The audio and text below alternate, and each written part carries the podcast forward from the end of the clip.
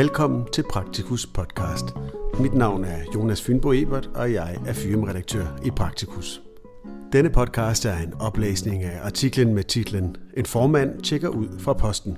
Den er skrevet af Sine Barrett Madsen, og den bringes i Praktikus nummer 257, der udkommer i oktober 2021. Artiklens tekst starter her.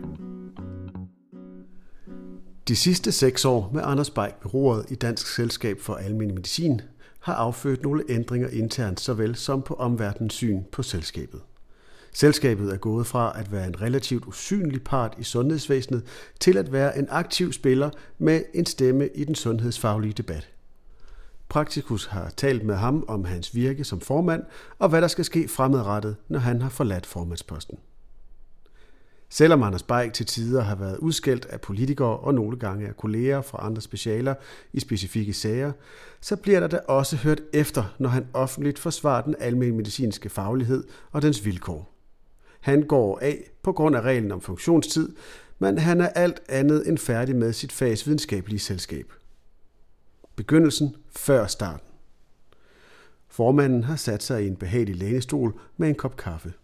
Humøret er godt, og han er som altid velklædt og klar til at svare skarpt på journalistiske spørgsmål. Indledningsvis fortæller han, at han stillede spontant op som formandskandidat i 2013, uden at blive valgt til posten. Derefter forberedte han sig i et års tid og blev i 2014 valgt ind i repræsentantskabet. Året efter stillede han igen op til formandsposten og blev valgt. Ikke overraskende bundet motivationen til at stille op i en vilje og lyst til at forsvare faget mod udefra kommende trusler og erosion af fagets kerne. Den personcentrerede medicin, som er båret af relation, kontinuitet og tillid. Citat.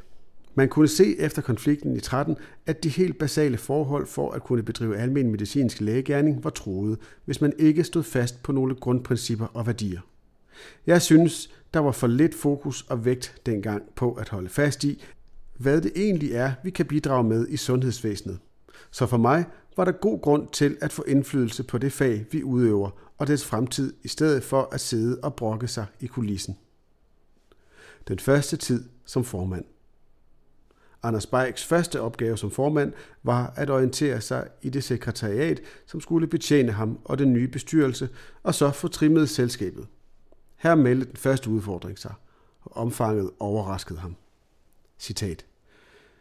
Jeg synes, det var og er meget vigtigt, at sekretariatets medarbejdere er involveret i missionen og visionen, altså er med på tankegangen, når det handler om, hvad DSM skal kæmpe og arbejde for. Vi var ved at blive glemt politisk, og befolkningen tog deres læge for givet, så det var vigtigt at gøre noget nyt. Derfor var der brug for at gentænke sekretariatets funktion hvor personalet helst skulle kunne se missionen gennem de mange arbejdsopgaver for at få et lidt mere smidigt og fleksibelt sekretariat. Vi ansatte nogle nye folk, også pressemæssigt, som kunne håndtere den del. Det hele krævede lidt ombygning og nogle nye kræfter. Citat slut. I sommeren 2017 tog formanden og selskabet journalist ud på en tur i Danmark til landets praktiserende læger. De inviterede sig selv på kaffe til en snak om fagets udfordringer og løsninger. De besøgte forskellige typer praksis fra nord til syd, som alle havde forskellige udfordringer afhængig af patientpopulation, beliggenhed og størrelsen på lægehuset. Citat. Jeg blev enormt positivt overrasket på den tur, hvor jeg oplevede, at de samme værdier kan give forskellige udtryk. Alle dem, vi besøgte, både store og små lægehuse, havde nærmest per instinkt forsøgt at skabe al den kontinuitet, de kunne manifestere. Vores tur rundt i landet viste, at der faktisk er mulighed for at indrette nogle ret store klinikker med en betydelig grad af kontinuitet, nærhed og relationsopbygning, og samtidig holde en høj effektivitet og kvalitet. Vi har siden udviklet en kampagne, der handler om betydningen af, at vi kender hinanden, læge og patient. Forskningsresultater har nemlig vist, at det sikrer både effektivitet og kvalitet, og samtidig giver patient tilfredshed og arbejdsglæde, at vi sikrer kontinuitet i relationerne. Vores kampagne var lige løbet i gang, da coronapandemien tog fart, så den druknede lidt, og den skulle nu løbes i gang igen. Formanden har det sidste ord. Gennem sin formandstid har han været beslutningstager på et hav af sager, høringssvar og anbefalinger, og ofte har formanden det sidste ord. Men er det vigtigt, at formanden har det sidste ord? Citat. Ja, hvis man har noget fornuftigt at sige, siger han og griner lidt. Det var dejligt at få udarbejdet pejlemærkerne ret tidligt i forløbet, for det gav noget konkret at styre efter. Fordi vi har haft dem, det vil sige fået dem udviklet, renskrevet og spidsformuleret, så de fleste praktiserende læger kunne relatere til dem, har de hjulpet os i selskabet med at tage beslutning om en masse sager. Det har været en slags grundlov for almen praksis' faglige kerneværdier. Og når man sidder i en funktion, hvor man skal træffe beslutninger, har de været rigtig gode at have. Pejlemærkerne er et vigtigt aftryk, som jeg er meget glad for, at vi fik lavet. Det skete på baggrund af indsamlet udsagn fra rigtig mange kolleger fra hele landet. Inspiration fra vores norske kollegers syv teser og trykprøvning og færdigudvikling i repræsentantskab og bestyrelse. Samarbejdet med PLO skal plejes. Samarbejdet med PLO's bestyrelse og formand er en vigtig del af formandskabet, og her kom samarbejdet da nogle gange på prøve. Samarbejdet er overordnet gået godt, men DSM har undervejs måttet sætte nogle kontroversielle sager på dagsordenen i forhold til magtfulde politikere og organisationer. Sagerne har ikke hver gang passet godt med PLO's agenda, og nogle gange har PLO solgt ud af det almindelige medicinske arvesøl for at få aftaler i land. Det skal man ikke gøre for meget af hensyn til kommende generationer af læger og patienter, ifølge Anders Beik. Har selv fået skæld ud i medierne. Du har også været udskældt nogle gange. Hvad synes du om strategien at skælde ud i medierne? Citat. Det er klart, at nogle gange går bølgerne højt. Og der er jo nogen, som føler sig hævet over kritik. Jeg er ligeglad med, om folk er professorer eller har stor magt. Hvis de kommer ud med noget, som er urimeligt, f.eks. præmatur forskningsformidling, som skaber meget uro, eller mange henvendelser i almen praksis, så må de forvente en reaktion fra os. Citat slut. Han forklarer, at der i disse år er kommet et stort pres for universiteterne om, at forskerne skal formidle deres forskning, før de har diskuteret resultaterne med deres kolleger og fået en afklaring af, hvor stor vægt de skal tillægges i forhold til den eksisterende viden. Citat. Så går nogle forskere ud i pressen og fører sig frem, men det er jo faktisk meget sjældent, at forskning i sig selv er ny viden. Ofte er det jo en lille brik i det samlede billede. Det er meget sjældent, at der kommer noget, som er til Nobelprisen. Der er mange kommercielle og personlige interesser i at promovere sig i pressen. De store videnskabsmænd ville vende sig i graven, hvis de vidste, hvad de meriterer for en forsker i dag. Citat slut. Han påpeger, at det ikke er en kritik af forskerne eller forskning, men en kritik af de vilkår, der er for forskning. Skuffet over andre læger. Undervejs i sit formandskab har Anders Beik ofte forsvaret de svageste patienter i samfundet. Det har ført til flere store kronikker, som advokerede for deres rettigheder. Han skrev blandt andet kronikken Jobcentre gør mennesker syge. Politikerne må handle nu, som blev bragt i politikken tilbage i 2019. Citat. Jeg er skuffet over, at der ikke er flere læger, som råber højt om de her ting. Det står faktisk også i lægeløftet, at hvis man ved, hvad der skaber sygdom, så skal man gøre opmærksom på det. Når man har nogle offentlige systemer, som gør folk syge, fordi de skal deltage i en uendelig lang sagsbehandling på jobcentret, bør man sige det højt. Hvis man bor ved siden af en kemisk fabrik, som gør folk syge, bør man jo også råbe op om det. Det er da heller ikke til at holde ud at være læge, hvis nogen i den anden ende gør folk syge, og så skal jeg forsøge at lappe skaderne bagefter. Citat slut. Han fortæller, at der i øjeblikket kører et borgerforslag, som han har været med til at udbrede kendskabet til. Det handler om, at der skal være grænser for, hvor lang tid en sagsbehandling må tage, og at der skal være nogle rettigheder og garantier forbundet med sagsbehandlingen inden for den tidsramme. Citat. Den nogle gange urimelige opsporing af enhver tænkelig rest af arbejdsevne foregår i årvis, hvor man forsøger at presse en sidste rest ud af mennesker, som ikke kan se målet, og det bliver de alvorlige syge af. Det er jo ikke nødvendigvis nogle særlige svage mennesker. Det kunne jo ske for dig eller mig, men folk tror ikke på det, fordi det er så gralt. Og kommunen er jo kongen i de her sager, og der er ingen instanser i landet, man reelt kan klage til og få medhold. Så retssikkerheden har været ikke eksisterende for syge mennesker, som er blevet mere syge af sagsbehandlingen. En æra slutter. Gennem sin formandstid har Anders Beik set sig selv som formand for fagets selskab, som består af en broet medlemskare. I dag tæller selskabet ca. 5.000 medlemmer, hvor størstedelen er aktive praktiserende læger, en stor del er yngre læger under uddannelse inden for almen medicin, mens andre har kastet sig over forskning.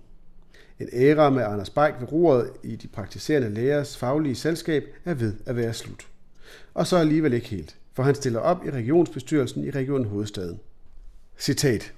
Der var jo ikke rigtig nogen kandidater, da jeg stillede op til genvalg som repræsentant, så ideen med min opstilling var at tiltrække flere interesserede. Heldigvis er der kommet flere til. Jeg mener, det er et fagligt ombud at sidde i repræsentantskabet, hvis der ikke er andre kandidater. Og nogen skal jo sidde der.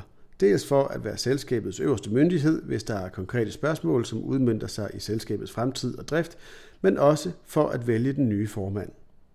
Men ellers står den fra oktober på mere tid til familien, musikken og patienterne, og det glæder jeg mig til. Dette var slut på den reelle artikel, og nu kommer der et par ord sagt om Anders Beik.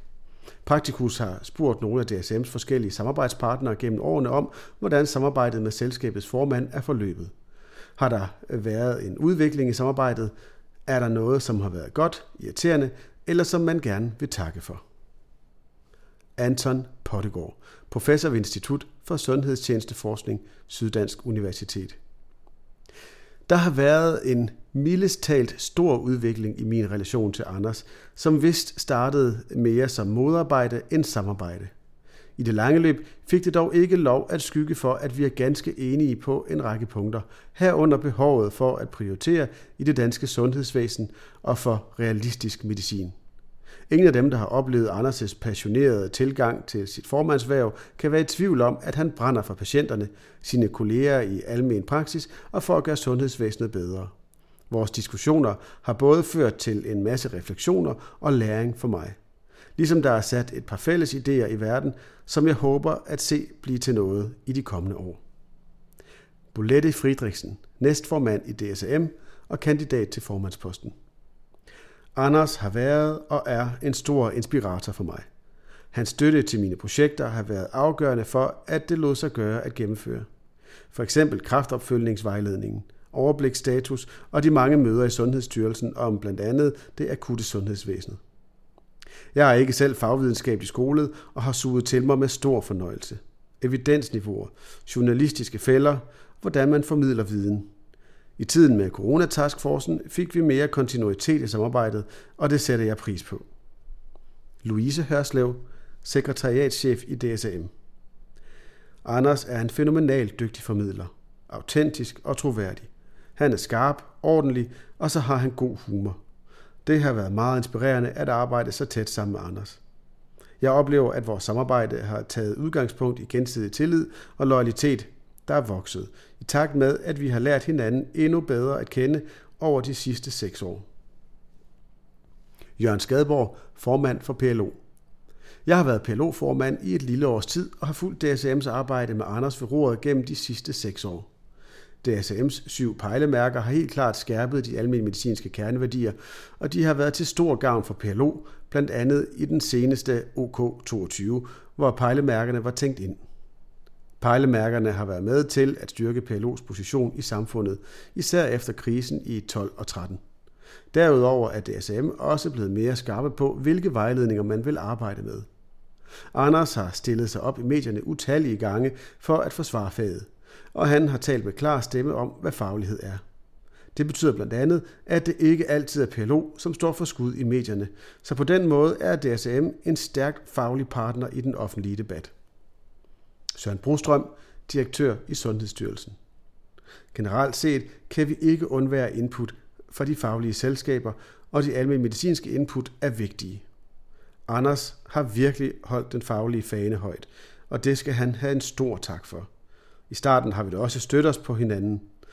Jeg kan blandt andet huske noget materiale om alkohol til gravide, hvor Anders havde mange markante meninger – man kan jo godt sige, at Anders er stedig og ikke altid har øje for, at en sag altid har to sider. Man skal jo holde den faglige fane højt, når man kommer fra et fagligt selskab. Men man skal også kunne give sig lidt. Og der var det lidt kantet i starten. Når det er sagt, vil jeg hellere have en person, man kan støde sig lidt på, i stedet for slet ikke at kunne mærke, hvad de mener. Anders har siddet med i en faglig gruppe hver uge i Sundhedsstyrelsen i forbindelse med coronapandemien, og jeg har været meget imponeret over hans bidrag. DSM oprettede jo en coronataskforce, og det har været meget nyttigt for os, for det har betydet, at vi havde en almen medicinsk backinggruppe. Jeg kommer nok til at savne Anders lidt. Artiklens tekst slutter her. Hvis du er interesseret i at høre mere om Anders Beiks formandskab, så skal du lytte til den podcast, som bliver publiceret inden for de næste par uger, hvor jeg tager en længere samtale med Anders omkring øh, indholdet i denne artikel og de seneste seks år i Anders' formandsliv.